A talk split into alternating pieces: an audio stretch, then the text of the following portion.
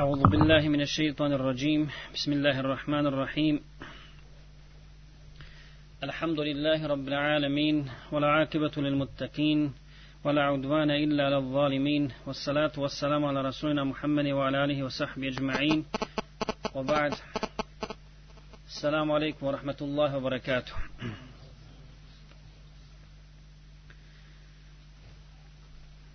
Draga براتشوي i sestre,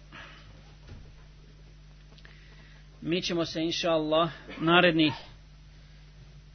nekoliko ponedjeljaka družiti sa četvoricom ili četvericom velikana islamskog ummeta četvericom velikih islamskih učenjaka i imama koji su kod nas u našem narodu poznati kao imami četiri mezheba jel' Dakle, govorit ćemo o Ebu Hanifi, Rahmetullahi Aleyhi, Imamu Maliku, Šafi i Ahmedu ibn Hanbelu.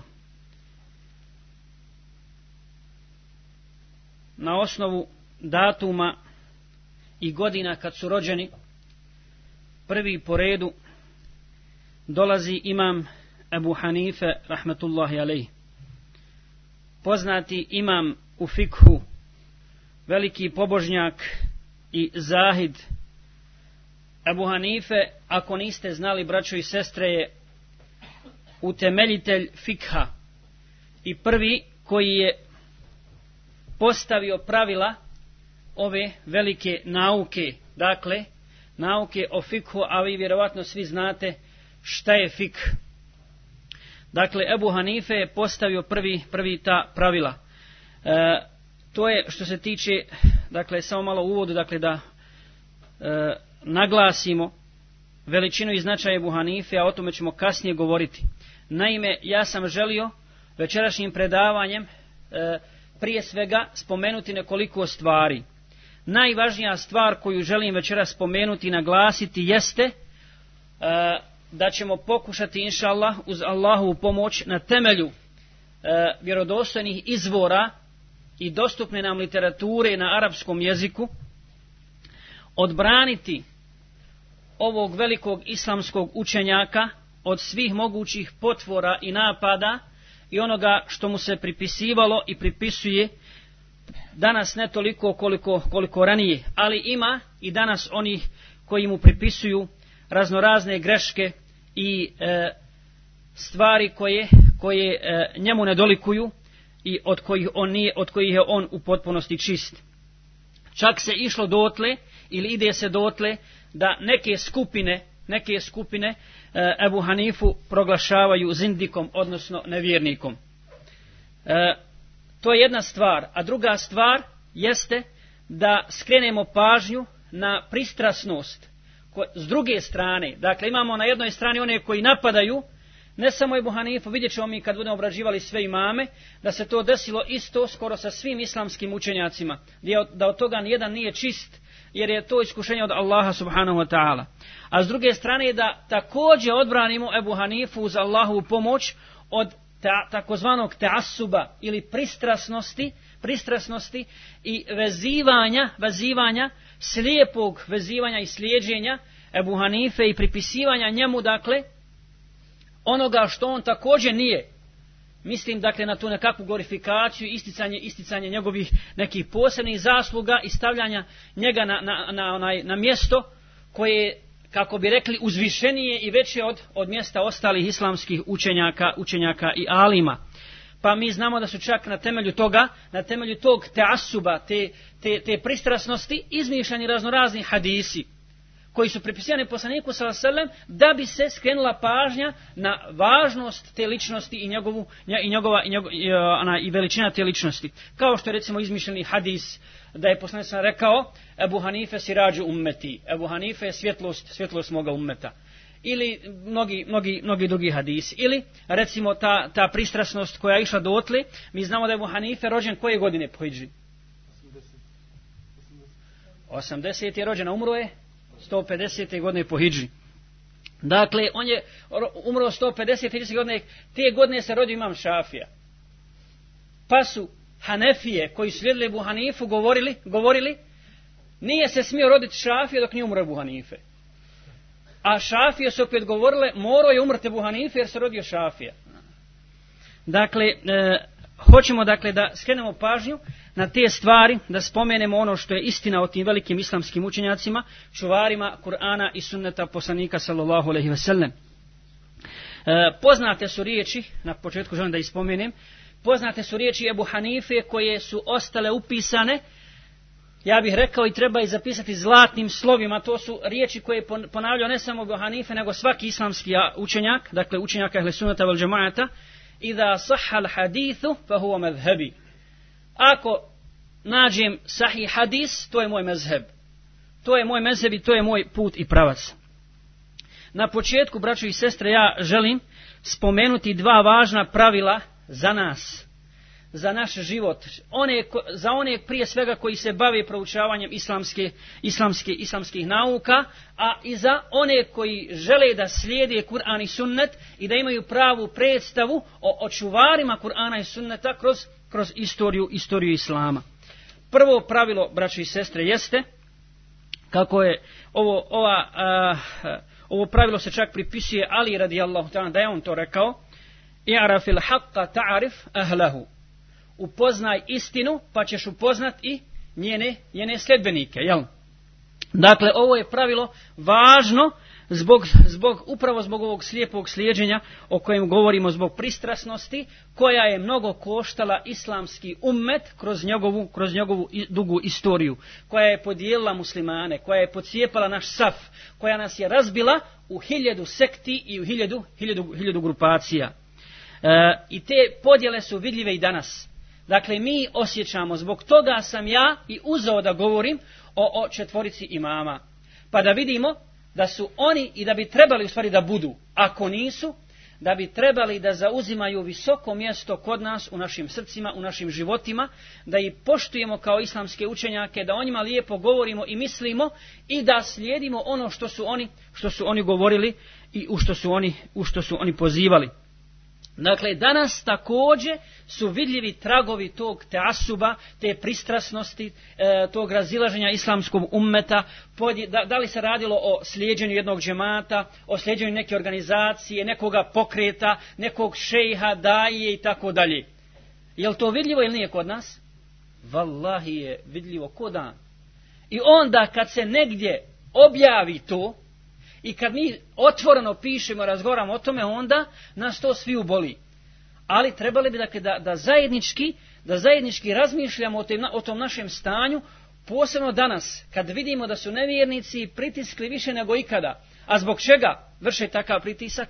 Zbog, samo zbog toga što smo mi toliko slabi razdijeljeni i podijeljeni, po svim mogućim osnovama i šavovima, da je vrlo teško ujediniti muslimane danas. A imamo osnov i izvor na osnovu kojeg treba da se da se udružimo i ujedinimo. Znači, to je, taj, to, je ta, to prvo pravilo. Dakle, ovo pravilo glasi, upoznaj istinu, pa ćeš upoznat njene sljedbenike. Upo, nemoj, dakle, istinu upoznavat preko ljudi, na osnovu ljudi, nego obrnuto, upoznaj ljude preko istine preko istine, kad upoznaš istinu, upoznaš Kur'an i sunnet, onda je to mjerilo. Lahko ti onda ocijenit ko slijedi Kur'an i sunnet, a ko ne slijedi Kur'an i sunnet, ko ostupa od toga.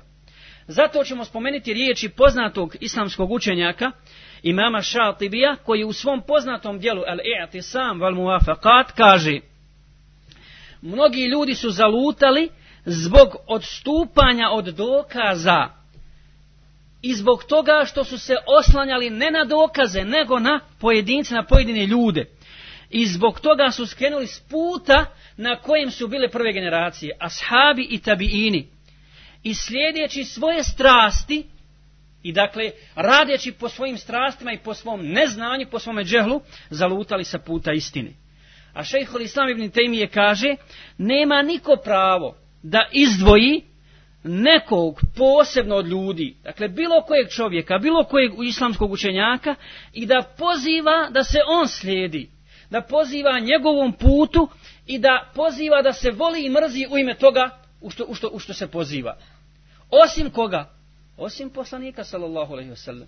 Njemu je dolazio Džibril, on je posljednji Allahov poslanik i on je, on je uzor koji se slijedi. Uzor koji se slijedi. I ono sa čim je on došao, to treba da volimo i zato treba da se, zato treba da se borimo. E, zatim kaže, dakle u 12. tomu svojih svoji fetvi, onaj ko bude pristrasan u odnosu na nekog učenjaka, on je na stepenu onoga koji je pristrasan u pogledu pojedinih ashaba. Zbog čega ovo Ibn Temje kaže? Dakle, onaj iz kasnijih generacija, generacije Ibn Tejmije, naših generacija, pa do sudnjega dana, ko izdvoji bilo kojeg učenjaka, imama, šejha, daju i tako dalje, pa njega, pa, pa njega slavi kao nekakvog velikog učenjaka i smatra da se treba samo on slijediti, on je na stepenu onih koji su u vremenu ashaba izdvajali pojedine ashabi i govorili ovaj ashab se slijedi, a ostali ništa. Kao što su radili ko? Rafidije, odnosno Šije u pogledu Alije radijalatno. I kao su radile Haridžije, takođe u suprotnom pravcu, mrzeći Osman radijalatno i Aliju radijalatno proglašavajući nevjernicima, odnosno na druge ashabe.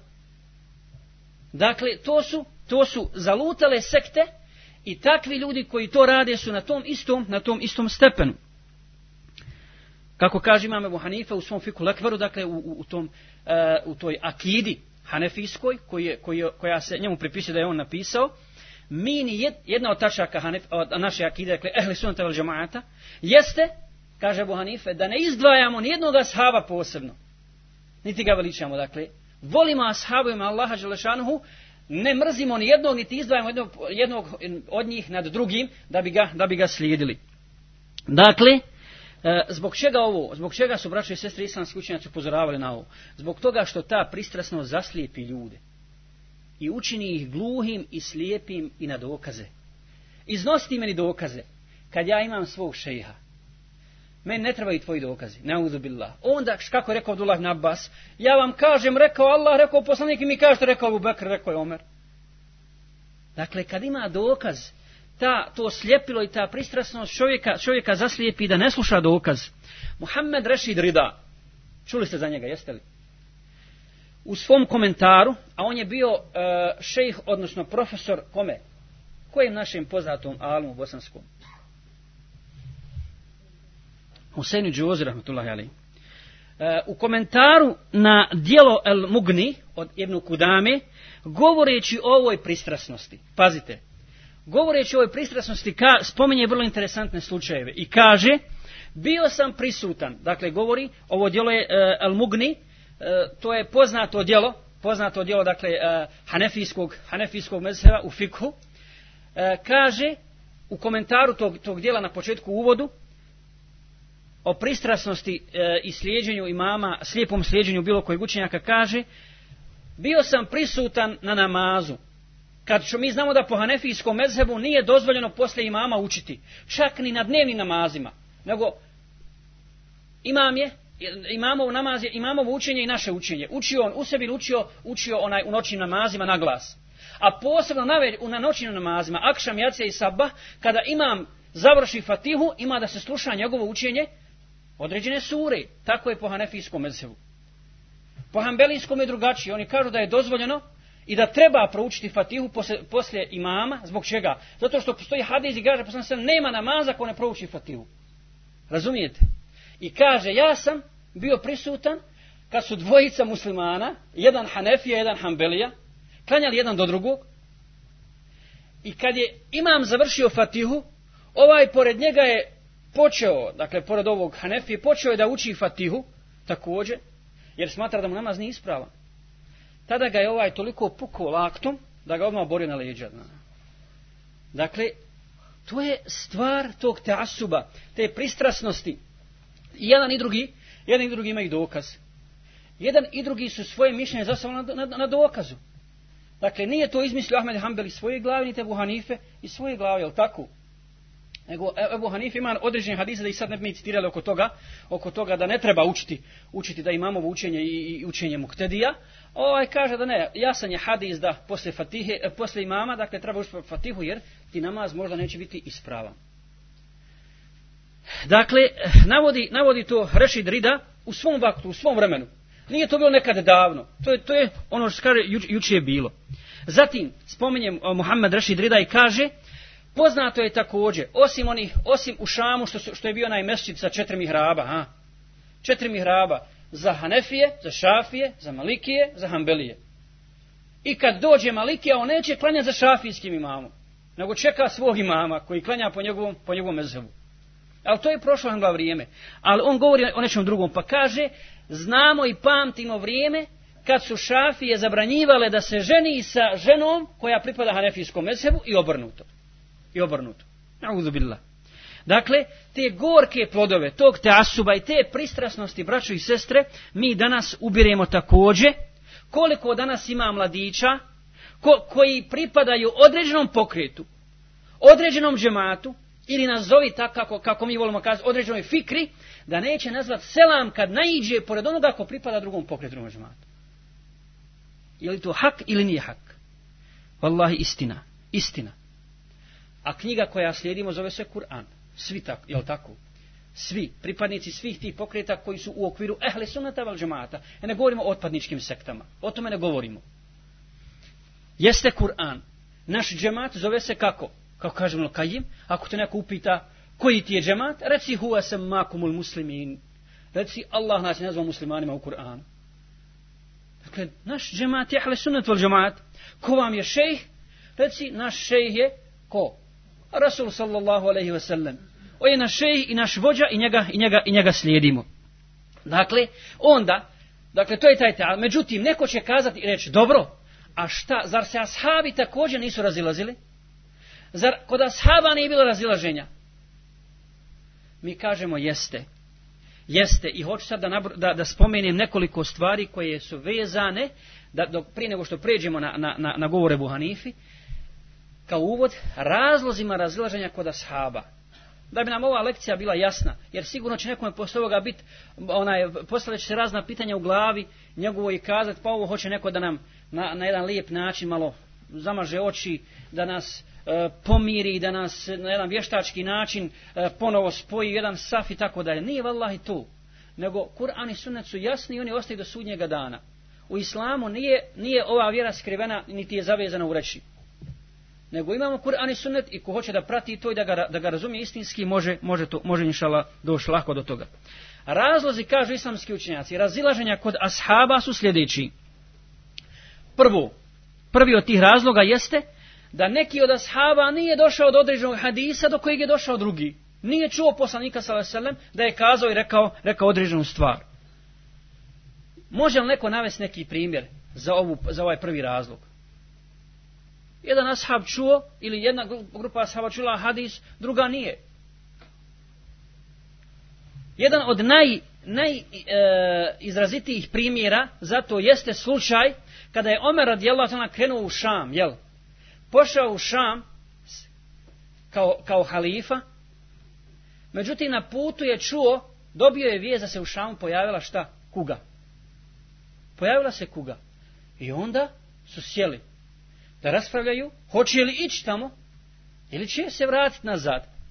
Pa se podijeli na dva mišljenja. Jedni su kazali, vratimo se nazad u Medinu, drugi su kazali, ne, idemo u Šam. Idemo u Šam. Allahov kader. Pa je Omer prihvatio mišljenje ovih drugih koji su govorili da se vrate, da se vrate u Medinu. Pa su mu rekli, zar to ti, zar, zar hoćeš da kažeš da, da mi na firru min qadarillah, da bježimo od Allahu kadara? Kaže Omer radijelah tamo, naam, na firru min qadarillah ila qadarillah. Bježimo od Allahu kadara, Allahom kadaru. Allahom kadaru. Tada se pojavlji Abdurrahman ibn Auf i kaže, o čemu to raspravljate? Kaže, raspravljamo o tome, pojavila se kuga u Šamu, pa jedni kaže da se vratimo, jedin drugi kaže da se, da se vratimo. Kaj imam ja hadi za to? Nema rasprave. Što koristite džaba, ona, što koristiti džaba, možda ne vijuge, kad ima jasan hadis o tome. Kaže, Omer, gdje, kakav hadis? Kaže, vallahi sam čuo poslanik sam da kaže, kada čujete da se pojavila kuga u jednom mjestu, ne idite tamo. A ako se nalazite u tom mjestu, ne izlazite iz njega. Kaže, Omer, Allahu akbar. To je to. Vraćamo se vraćamo se nazad u Medinu. Nema razilaženja. Riješeno razilaženje čime? Jasnim tekstom hadisa poslanika sallallahu alaihi ve sellem. Zatim, kažu islamski učinjaci, neki od ashaba su zaboravili neki hadis, iako su ga čuli, iako su ga možda čuli, ali su ga zaboravili, pa kasnije nisu, pošto su ga zaboravili, nisu na njemu temeljili određeno mišljenje ili, ili donosili fetvu. Zatim, treća, treći razlog razilaženja, različito razumijevanje određenog hadisa različito razumijevanje određenog teksta hadisa. Još dok je poslanik sam bio živ, a kamo nakon njegove smrti? Ko će nam navesti primjer? Pa jeste. Pa ja vidim, mašallah, to se zna. Dakle, kada je poslanik sa selem na ubici na Ahzabu rekao šta? Neka niko od vas ne klanja i kindiju dok ne dođe u Benu Kureiza. Žido, pleme Benu Kureiza, židovsku. Pa su ashabi na putu Na putu je došlo, nastupilo namasko vrijeme. I podijelili se opet. I kažu jedni, sad je namasko vrijeme, poslanik sam e, nas je upozorio na taj način da klanjamo namaz na vrijeme pa da požurimo da stignemo Benu Kurejza. Drugi kažu, ne, nego je rekao da odgodimo namaz dok ne dođemo u Benu Kurejza.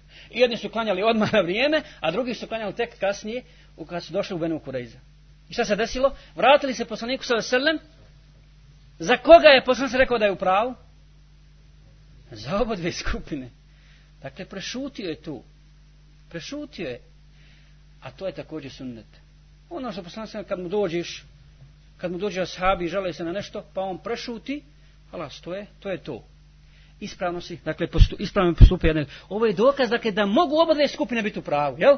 A ne samo kad je daj ti meni najjači dokaz.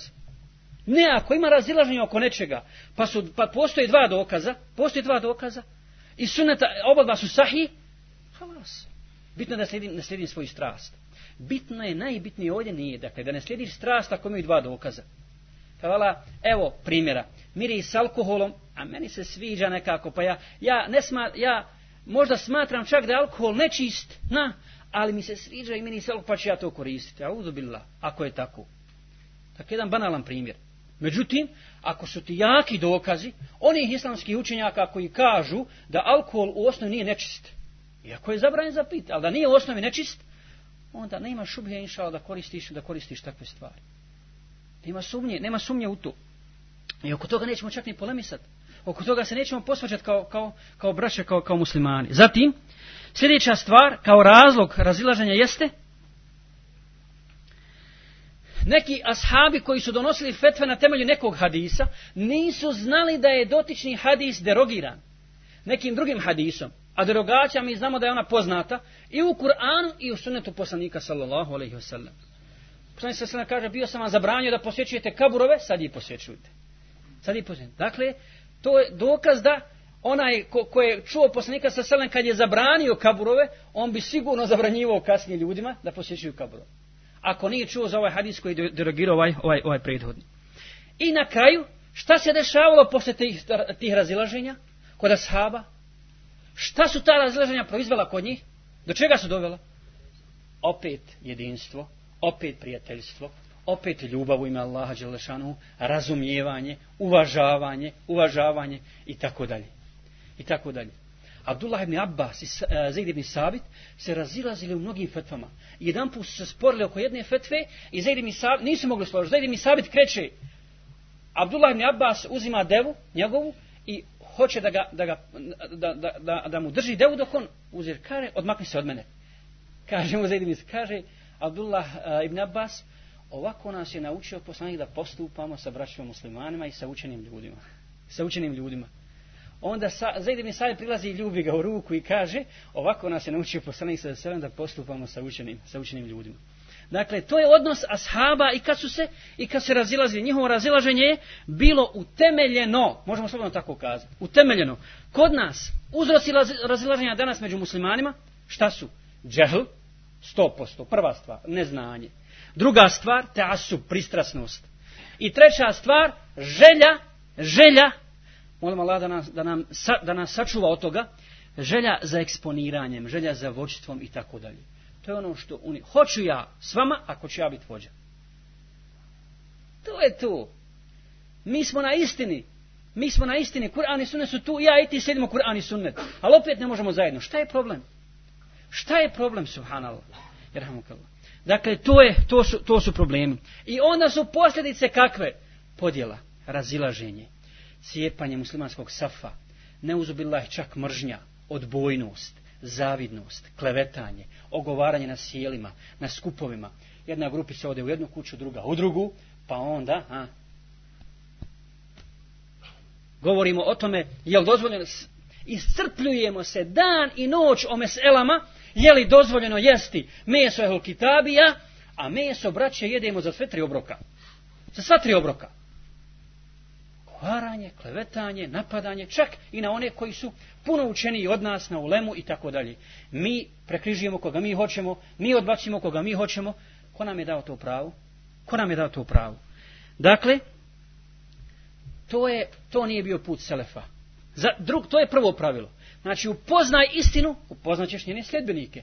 Druga stvar, drugi temelj i drugo pravilo jeste, put Selefa je bio, zabrana govora o ulemi osim dobro. Zabrana spominjanja učenjaka osim po dobru. Osim po dobru. Jer kaže, pogledajte riječ Ibn Asakira, poznatog islamskog učenjaka koji kaže, znajte Allah vam se smilovao da je meso uleme otrovno. I ko svoj jezik uposli pričanjem loše o ulemi, Allah će ga iskušati na dunjavu ku smrću njegovog srca prije nego što doživi pravu smrt. Dakle, srce umrtvi se, o, više, više postane imuno na grijehe. Ne uzubila, to je najgore iskušenje. To je gore iskušenje od bolesti, od bilo kakve druge žalosti i tuge. Iskušenje u vjeri. Iskušenje u vjeri. Dakle, kad ogrubi srce, i ovo su zaista istinite, istinite riječi. To je bio jedan uvod koji sam ja želio da napravim vezan za, za ove islamske učenjake, jer je ovo prvi naš ders o tome. A sad prelazimo na govor o a, e, našem velikanu Ebu Hanifi radijallahu ta'ala anhu. Ebu Hanife, rekli smo, rođen 80. hijđarske godine u Kufi, a umro je 150. hijđarske godine. Ja ne želim puno sad da govorim o njegovom životu. Zna se da je se bavio trgovinom, da je se vrlo kasno počeo baviti ilmom, da je na proučanjem nauke i tako dalje. E, koga je, znam neko od vas, koga je podstakao na učenje ilma, Ebu Hanifu. Imam Šabi, dakle, samo, samo ćemo spomenuti ovaj, ovaj moment. Ovaj moment. Jer Ebu Hanife, dakle, čak, čak ga imam zehebi svrstava u, ko, u šta? U koju generaciju? U tabiine. Svrstava ga u tabiine.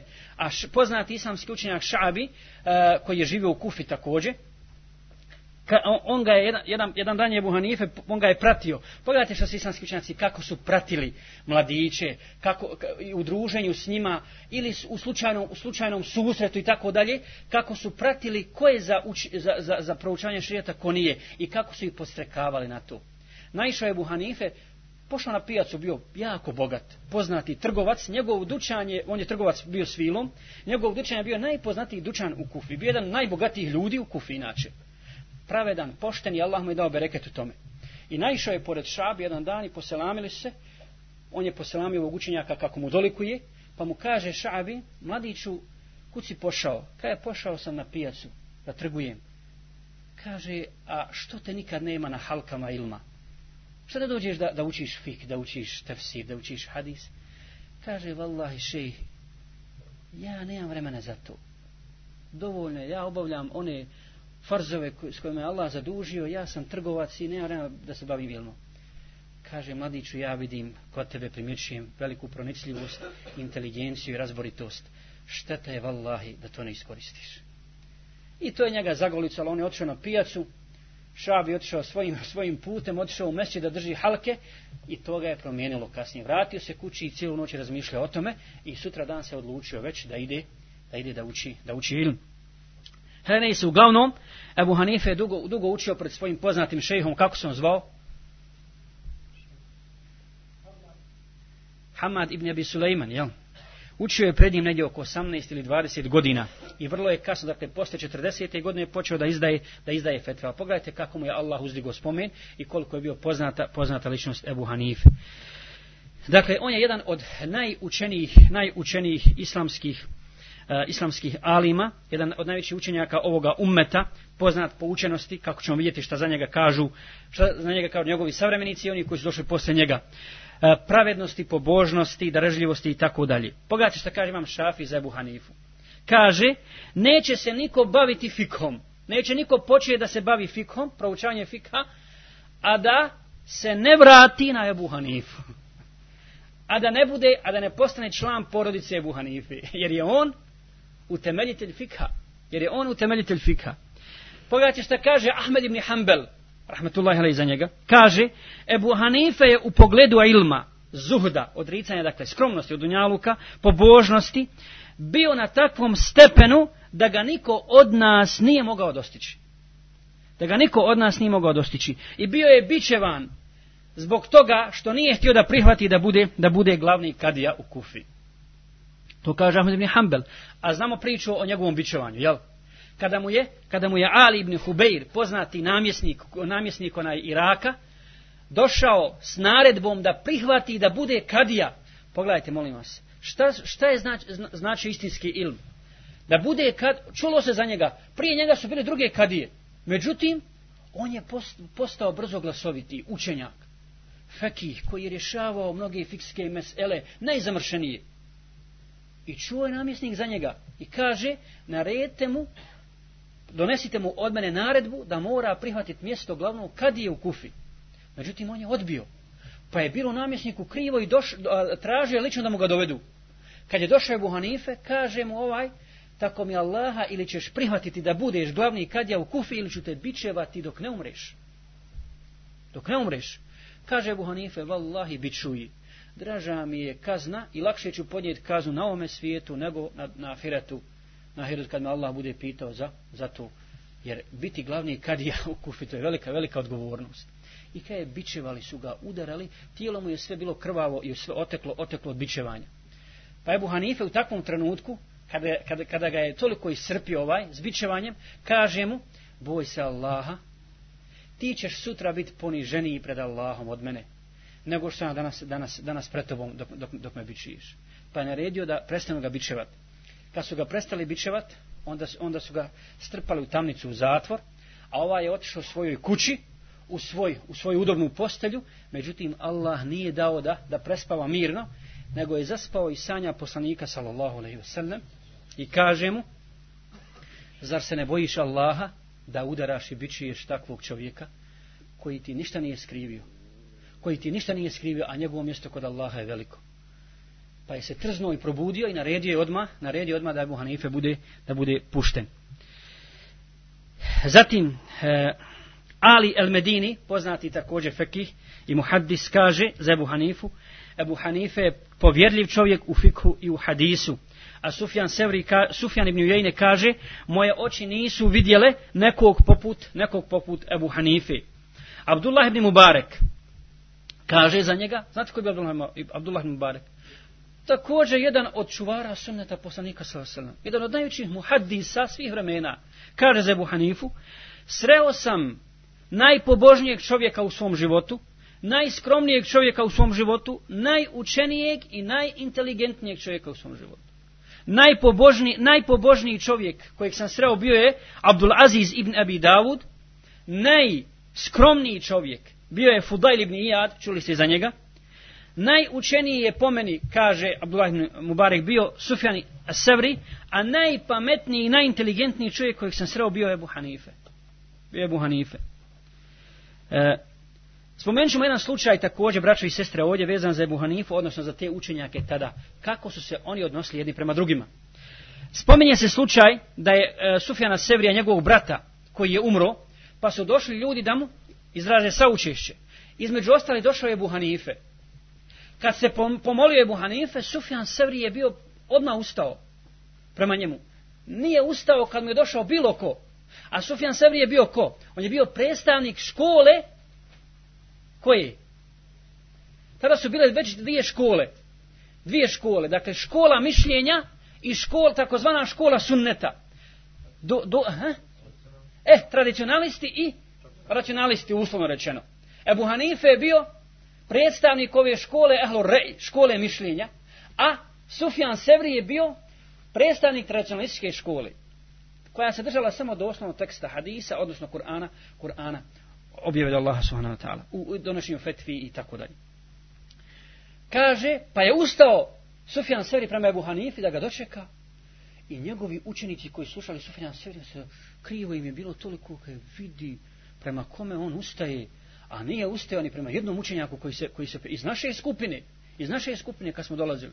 I kad se skup razišao, a oni su međusobno klevetali Ebu Hanifu, dok su, dok su bili tamo odvojeni i pričali protiv njega, kad je, kad je se skup razišao, prišli su oni svom šejhu, Sufjanu Seru i kažu, šta si uradio šejh?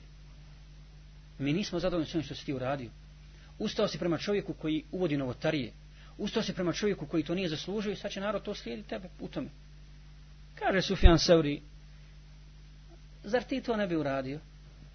Zar nije zaslužio ovaj čovjek da se ustane zbog njegovog ilma? Ako nije zaslužio da se ustane zbog njegovog ilma, zar nije zaslužio da se ustane zbog njegovih godina? Ako ni zbog toga nije zaslužio da se ustane, da se ustane pred njim, zar nije zaslužio da se ustane pred njim zbog njegove bogobojaznosti, zbog njegove pobožnosti? A ako ni zbog toga, zar nije zaslužio da se ustane zbog njegove inteligencije, zbog njegovog fikha, po kojem je poznat? Kaže pa je ovaj Ibn Ameš, poznati također onaj učenjak islamski, koji je e, bio u halki Sufjane Sevri, zašutio, kaže, vallahi me je pridobio. Znači, sad, ta, toliko me ubijedio s tim svojim govorom, da pa bi se pojavio Ebu Hanife, ja bi ustao, ja bi ustao pred njim. E, a Sufjan Ibn Ejne kaže, u Kufi su dvije stvari dostigle svoj vrhunac. Dakle, one su savršene u Kufi. Dvije stvari. Koje? Kirajet Hamzin.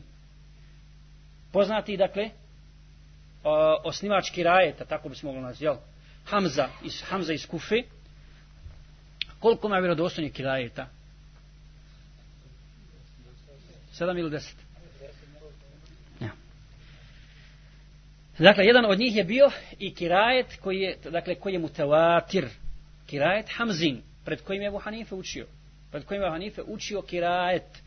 Dakle, kirajet, dvije stvari dostigle savršenstvo u, u Kufi, Kirajet Hamzin i Fikh Ebu Hanife. I Fikh Ebu Hanife. Zatim, što se tiče njegove pobožnosti, zvali su ga Veted. A znate šta je Veted? Stub. Zbog čega su ga zvali Stub? Zbog toga što je toliko bio pobožan, toliko je stajao u namazu i toliko je, toliko je e, klanjao na file i tako se posvećivao i badetu da su ga zvali, da su ga zvali Stub. Zatim spominje se jedna, jedna e, e, anegdota također vezan za njegov život, kažu da su četvorica ljudi proučili čitav Kur'an unutar Kaabe. Dakle, unutra u Kaabe. Ko su to? Kažu, to je Osman radijallahu ta'ala, Temim Eddari, poznati ashab, za njega se veže onaj hadis o kome? O Dejalu. Zatim Sejid ibn, Muse, Sejid ibn Džubeir, poznati Tabin i Abu Hanife. Dakle, četvorica ljudi koji su proučili Kur'an unutar Kaabi. Zatim, također još jedna stvar koja je vezana za njega prije nego što pođemo onaj, govoriti o onim stvarima za koje je bio potvoren Ebu Hanife, pa da iznesemo dokaze protiv toga. Kaže da je Ebu Hanife čuo u Kufi, tada je bilo mnogo sekti. Pojavili se filozofi, e, ljudi počeli da primaju islam, razni, razni sekti, murđije, šije, rafidije, haridžije, nema kakvog, kakvog milleta nije bilo tada. Ebu Hanife je čuo da jedan čovjek u Kufi psuje i vrijeđa Osmana radijallahu ta'ala anf. I čak da govori za njega, za Osmana, da je on židov. Ebu Hanife odma iskoristio priliku i ode kod tog čovjeka.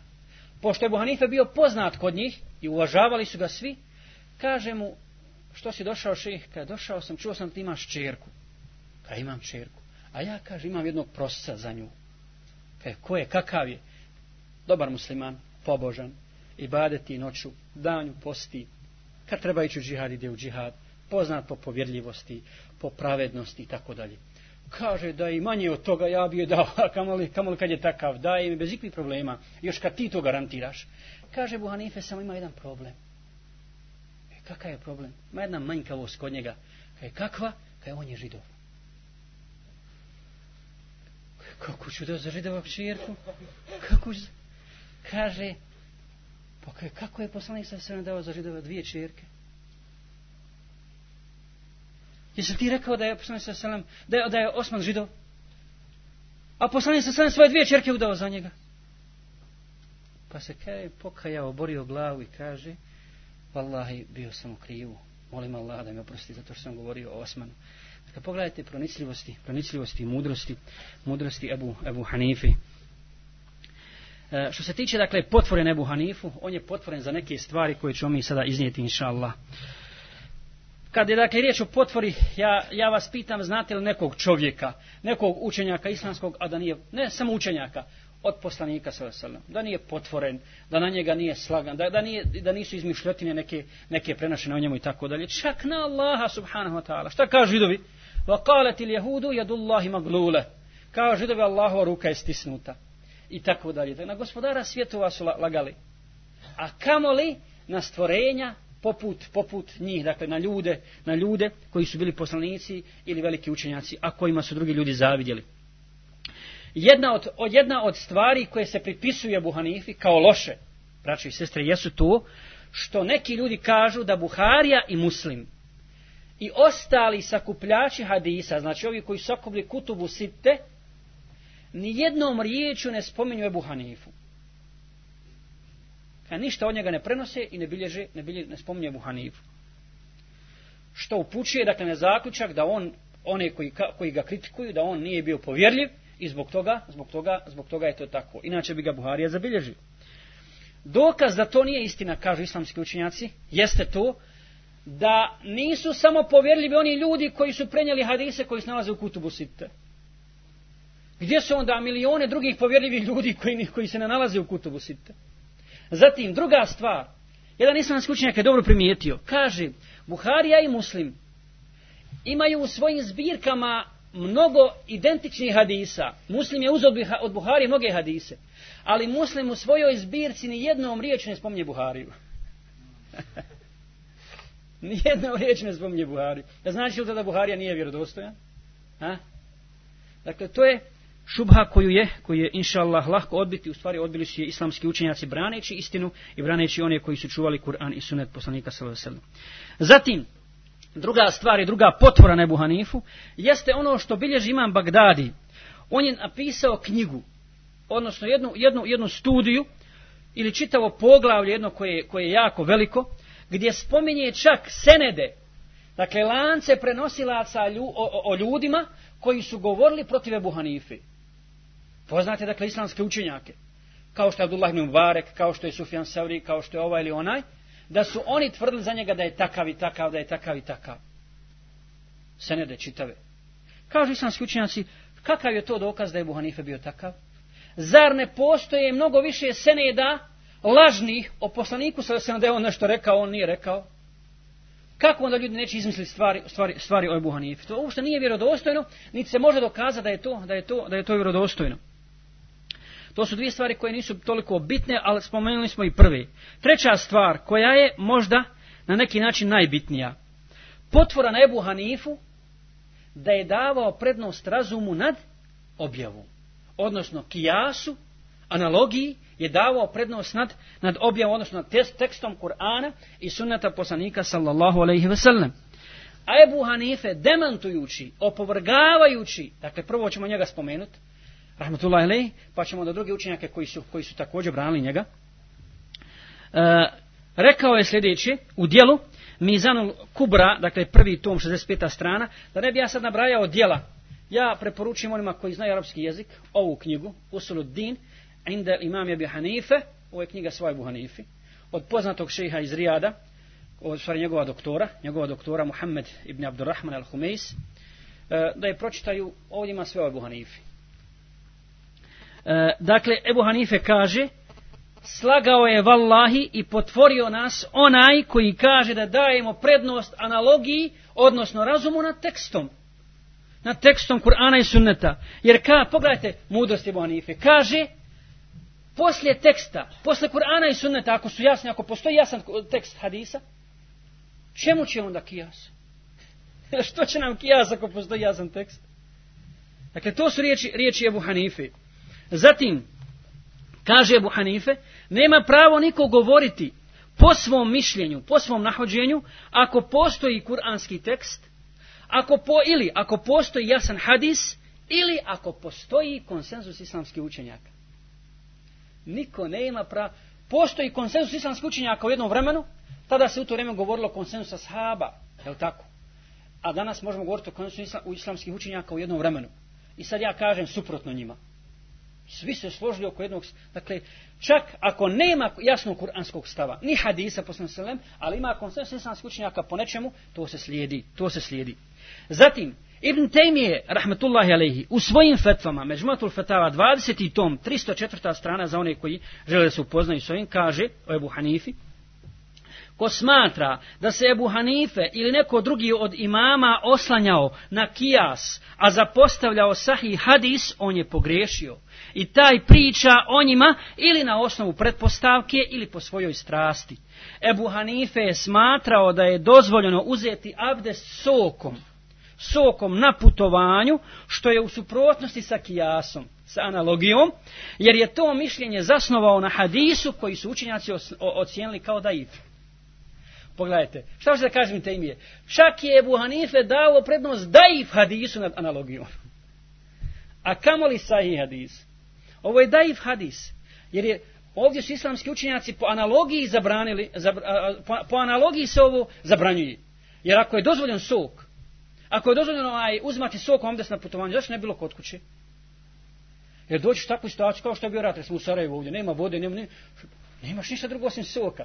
Dakle, nije samo putovanje uzrok da uzmaš sokom. Možeš doći i kod kuće kad si, kad si mukim, možeš doći u situaciju da, da uzmaš, da nemaš vode. Znači, nije htio da Ebu Hanife koristi analogiju. A da je koristio analogiju, došao do ispravnog zaključka. Nego je koristio hadis koji su islamski učenjaci ocijenili kao, kao daif. Isto to, ili mnogo više o Ebu Hanifi i njegove analogiji govori, dakle, braneći ga, da nije tačno da je stavljao kijas, odnosno razum, ispred Kur'ana i sunneta, e, govori Ibn Qajim al-đevzi, dakle, učenik Ibn Tejmije, u svom poznatom dijelu I'lamu muvakki'in, prvi tom, 77. strana. Zatim, pošto je tada, pogledajte, u to vrijeme je bio potvoren Ebu Hanife, nije kasnije, dakle dok je bio živ, dok je hodao po zemlji, potvorili su ga za, za neke stvari. Čuo je za to Ebu Džafer, Ebu Džafer, Muhammed, dakle, Ibn Ali, Ibn Husein, jel, to je jedan od onih šijskih imama, kako ga imami se, ona, šije sebi pripisuju, jel, Dakle, praunuk poslanika Muhammeda s.a.v. poznati islamski učenjak, čuo je da Ebu Hanife daje prednost daje prednost kijasu, odnosno analogiji nad, nad objavom, pa ga je pozvao da ga ukori. Kada je došao, Ebu Hanife, rekao mu je ovaj, jesi li ti onaj, rekao mu je Buđaf, jesi li ti onaj koji mijenja vjeru moga djeda? Mislići na poslanika, salove sele, kaže Ebu Hanife, nisam vallaj. Otkud ti to? Otkud ti to? Kaže Ebu Hanife, prvo da sjednemo. Te sjedi, Allah ti se smilovo, da ti dam počast i poštovanje kao što su ashabi davali tvom djedu poslaniku Muhammedu sallallahu alejhi ve sellem. Pa kada je ovaj sjeo Buhanife na koljena sjeo pred njega i kaže mu o ših, dokaz Evo dokaz, sad ću ti postaviti tri pitanja, pa mi ti reci jesam li ja promijenio vjeru tvog, tvog djeda, odnosno poslanika Muhammeda s.a.v. Kaj pita, reci?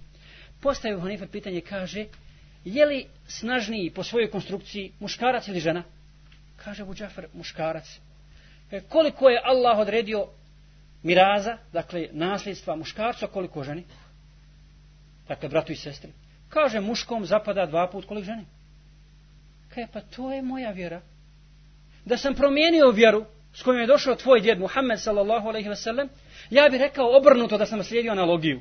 Zato što je muškarac jači i snažniji, ili ako bi išli po logici, trebalo bi da ženi da pripadne dva dijela, muškarcu jedan. Jel? Ja. Druga, druga stvar, kaže, šta je, koji je ibadet bolji, je li namaz ili post? Kaže, Ebu Džafar, namaz. Kaže, dobro, i ja se slažim. Žena kad ima hajz, kad se očiti posle hajza, šta nadoklanja, šta, šta, šta nadoknadi? Namaz ili post? Kaže, post. Kaže, ja se slažem s tim. Ja sam na tome. Da je po analogiji, Da dajem prednost analogiji, ja bi, ja bi rekao da treba da naklanja namaza, ne treba napostiti, jer je namaz bolji i vredniji ibadet. Kaže dalje, treće pitanje, šta je, nečiš, šta je e, više nečisto? Šta je prljavije? Mokrača ili sperma? Kaže Ebu Džafer, svakako mokrača. Šta poslije male nužde čovjek treba da uradi? Da se okupa ili da abdesti? Pa dovoljan je abdest. A poslije polucije sjemena? He, kupanje. Pa to je moja vjera. Ja sam na tome kaj. A da po analogiji zaključujem, onda bi bilo obrnuto. Jer je ovo nečisto. Mokraća je prljavija, pa bi ja naredio od kupanje poslije, poslije male nužde, a samo abdes poslije, poslije džnupluka, odnosno poslije polici, polucije se. I ovaj rekao, zaista su te potvorili. dakle, nije, nije onako kako se, kako se priča o tebi. E, ovdje, spom, ovdje je spomenuto i dijelo ako nekoga interesuje, dakle, Menakib Abu Hanife, koji je napisao poznati islamski učenjak El, El Mekki. Zatim, to je jedna, jedna stvar ko, zbog, zbog koje je potvrne Abu Hanife. Zatim, treća stvar, četvrta stvar, kažu čak, spominju to islamski učenjaci u svojim dijelima, da se od Abu Hanife tražilo dva puta da se pokaje zbog kufra. Dakle, dva puta se tražio njega se pokaje zbog kufra i navodno da je se oni pokaju, da je, da je dva put bio učinio kuf, pa se povratio ponovo u islam. E, a kako? Koga je potvorio za kufr? Braćo i sestre, istina je to da je on bio potvoren za kufr. Ali od koga? Od istih onih ljudi od koji je bio potvoren Alija radi Allah za kufr. Dakle, od Haridžija. Od koji je bio potvoren Osman radi Allah za kufr. Pa se spominje jedan slučaj, spominje se u ovoj knjizi. Kaže, došli su Haridžije sa svojim šejhom kod Ebu Hanife i kaže mu njihov šej, o Ebu Hanife, pokaj se Allahu, učini teubu od, zbog kufra. Kaže Ebu Hanife, ja se kajem Allahu od svih vidova kufra. I oni su otišli. Nakon toga stigao jedan čovjek i kaže im, pa on se s vama izigrava. On je u stvari htio da kaže da se kaje Allahu i utječe se Allahu od vaše kufra na kojem ste vi Haridžije pa su se vratili ponovo njihov šejh kaže je li istina je li istina da se ti u stvari utječeš Allah od našega kufra Ka, kažem Ebu Hanife dobro je li si siguran da sam ja tako mislio ili pretpostavljaš ili samo sumnjaš kaže sumnjam kaže Ebu Hanife a zar ne znaš da Allah Đelešanohu kaže u Kur'anu ja i juhar ladine amanu džtenibu kethire mine van inne bada van ithm o vjernici klonite se mnogih sumnje jer su mnoge sumnje grije A ti smatraš da je svaki veliki grijeh kufr, je tako? Pa e, jest.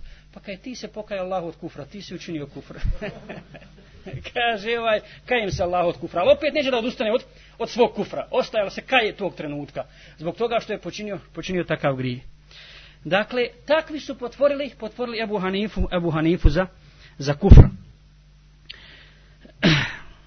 Zatim, sljedeća mesela, koja je također vrlo interesantna, jeste da se Ebu Hanife razilazi sa ehli su tako kažu razilazi se sa ehli sunnetom al džamaatom u pogledu imana odnosno definicije imana ehli sunnet al džamaat definiše iman kako braćo i sestre to je šta al qawlu bil lisan wa tasdiqu bil janan dakle po, izgovor jezikom vjerovanje vjerovanje srcem wa amalu bil erkan odnosno ra, ra, č, djela djela organa Dakle, to je definicija imana kod ehli sunata vel džamaata. Ebu Hanifi se prepisi, pripisuje i poznato je to, dakle, u Fiku Lekberu čak on o tome govori, u svom dijelu, u svom dijelu, da on tvrdi da je iman izgovor jezikom i potvrda srcem. Dakle, sama potvrda ne koristi, niti sam jezik, niti samo izgovoran jezikom koristi. Ali, međutim, e, Abul Iz al-Hanefi, ako ste čitali Tahavinu akidu, jel, Vidjeli ste kako on objašnjava ovaj stav Ebu Hanife. On kaže u stvari da je to igra riječi. Da je to samo, da, da Ebu Hanife nije tako mislio. Jer kaže, nemoguće, kao što kaže autor ove knjige, i mnogi islamski se kažu, nemoguće da čovjek koji je toliko ibadeti u Allahu Đelešanu kaže da djela ne ulazi u sastav imana. Da nisu. I sad njegova poznata risala, pismo koje je napisao e, e Kadi Basre, Osmanu El-Bettiju, el, el, el Bettiju, koji je poslao njemu pismo i kaže čuo sam da si ti murđija, dakle da ti kažeš da, da od djela ne ulazi sastav imana, pa boj se Allaho pogled toga. Ebu Hanife je njemu napisao odgovor u, u, kojeg između ostalo, u kojem između ostalo kaže, kaže znaj da ja smatram da su svi sljedbenici kible mu'mini i da ne izlaze iz okvira imana ako ostave nešto od djela. Pa se što kaže Ebu Hanife? Jel se to slaže sa Hrstom i Lođematom? i da ne izlazi iz okvira imana ako ostaje nešto od dijela. A onaj ko zanegira imani dijela, on je kafir i vječno je u džehennemu. Vječno je u džehennemu. A onaj ko potvrdi iman, dakle izgovori se hadet, ali ostavi nešto od dijela, on je u Allahovoj volji. Dakle, to je između njega i Allaha. Ako hoće, kaznit će ga, a ako hoće, oprostit će mu. Jer se ovo poklapa sa Hesnutama džematom. Mada u ovoj knjizi ima neki kontradiktorni stvari e, i sam autor navodi to i kaže, Ili je to neko pripisao Ebu Hanifi, ili je zaista, zaista kontradiktornost u, u, u, njegovim, u njegovim samim riječima koji je on izrekao. Ali Helene je u svakom slučaju, dakle, to je otprilike ono što sam ja želio da kažem o Ebu Hanifi. Ebu Hanifi e, kao jednom velikom islamskom učenjaku koji je, kojemu je svojstvena svakako greška. Poslije kako je rekao ima Malik, od svačijeg se govora oduzima, oduzima osim od govora a bio je tada u Medini pored kabura poslanika sallam, osim od vlasnika ovoga kabura, od ovoga koji leži u kaburu, to je poslanik sallam. Dakle, svako može pogriješiti, ali on kao mučtehit, kad potrefi ima dvije nagrade kod Allaha, kad pogreši, ima jednu nagradu. Ima jednu nagradu. Znači, i držimo se, neka nam ovo bude pravilo, koje je rekao same Buhanife također, nikome nije dozvoljeno donositi fetvu na osnovu onoga što smo mi rekli, ako ne zna odakle smo uzeli ako ne zna odakle smo uzeli. Dakle, ja sam na to htio da skrenem pažnju. Dakle, da ne dozvolimo sebi da bude slijepog sliđenja bilo koga, bilo koga, nego uvažavanje, poštivanje, poštivanje i slijeđenje Kur'ana i sunneta i imama ovoga ummeta u onome gdje su potrefili, gdje su potrefili, gdje su, gdje su njihova mišljenja u skladu sa Kur'anom i sa sunnetom. To je najvažnija stvar za nas. To je najvažnija stvar za nas. I da stavimo stvar na njihova mjesta, da u Ulemi govorimo sve najbolje, o ulemi ehle sunata vel džemaata da govorimo sve najbolje i inšala zbog toga ćemo biti nagrađeni. A sigurno ćemo biti kažnjeni kako veli ibn Asakir još na Dunjaluku ako o islamskim učenjacima ehle sunata vel džemaata budemo govorili loše još na Dunjaluku prije ahireta.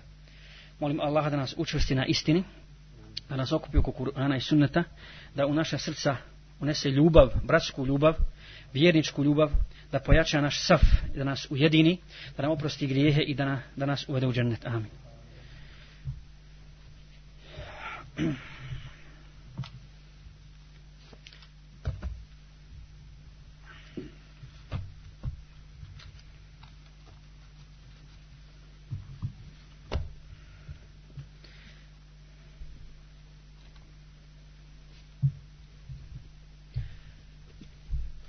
Halalte, možda ste vi znali mnogi ove stvari u Buhanifi, ali to ne.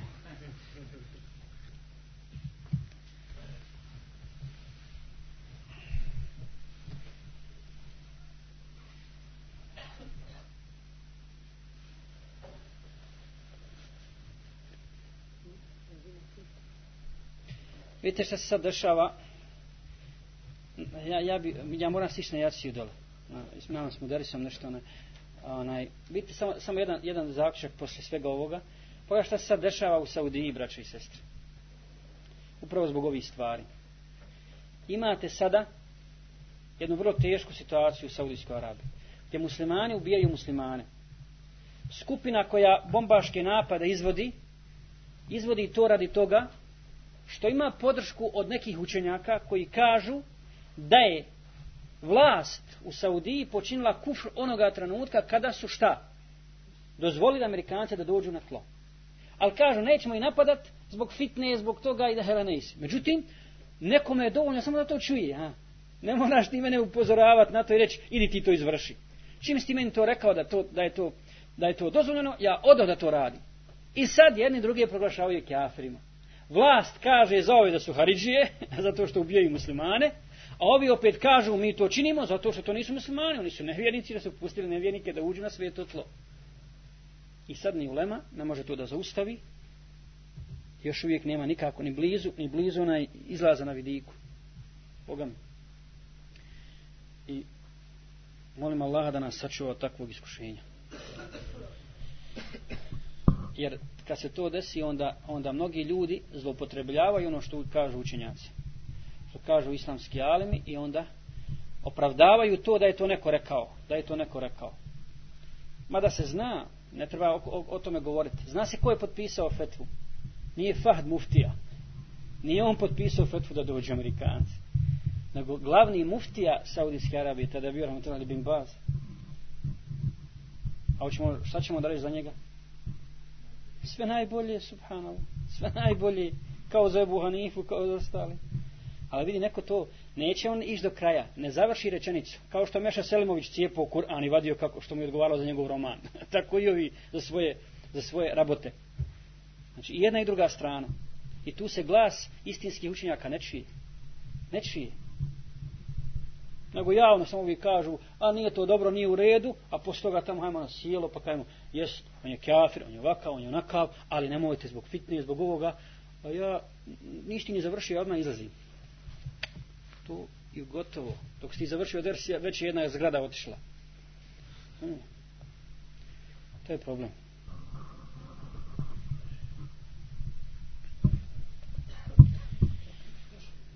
Idem. Pošli dole.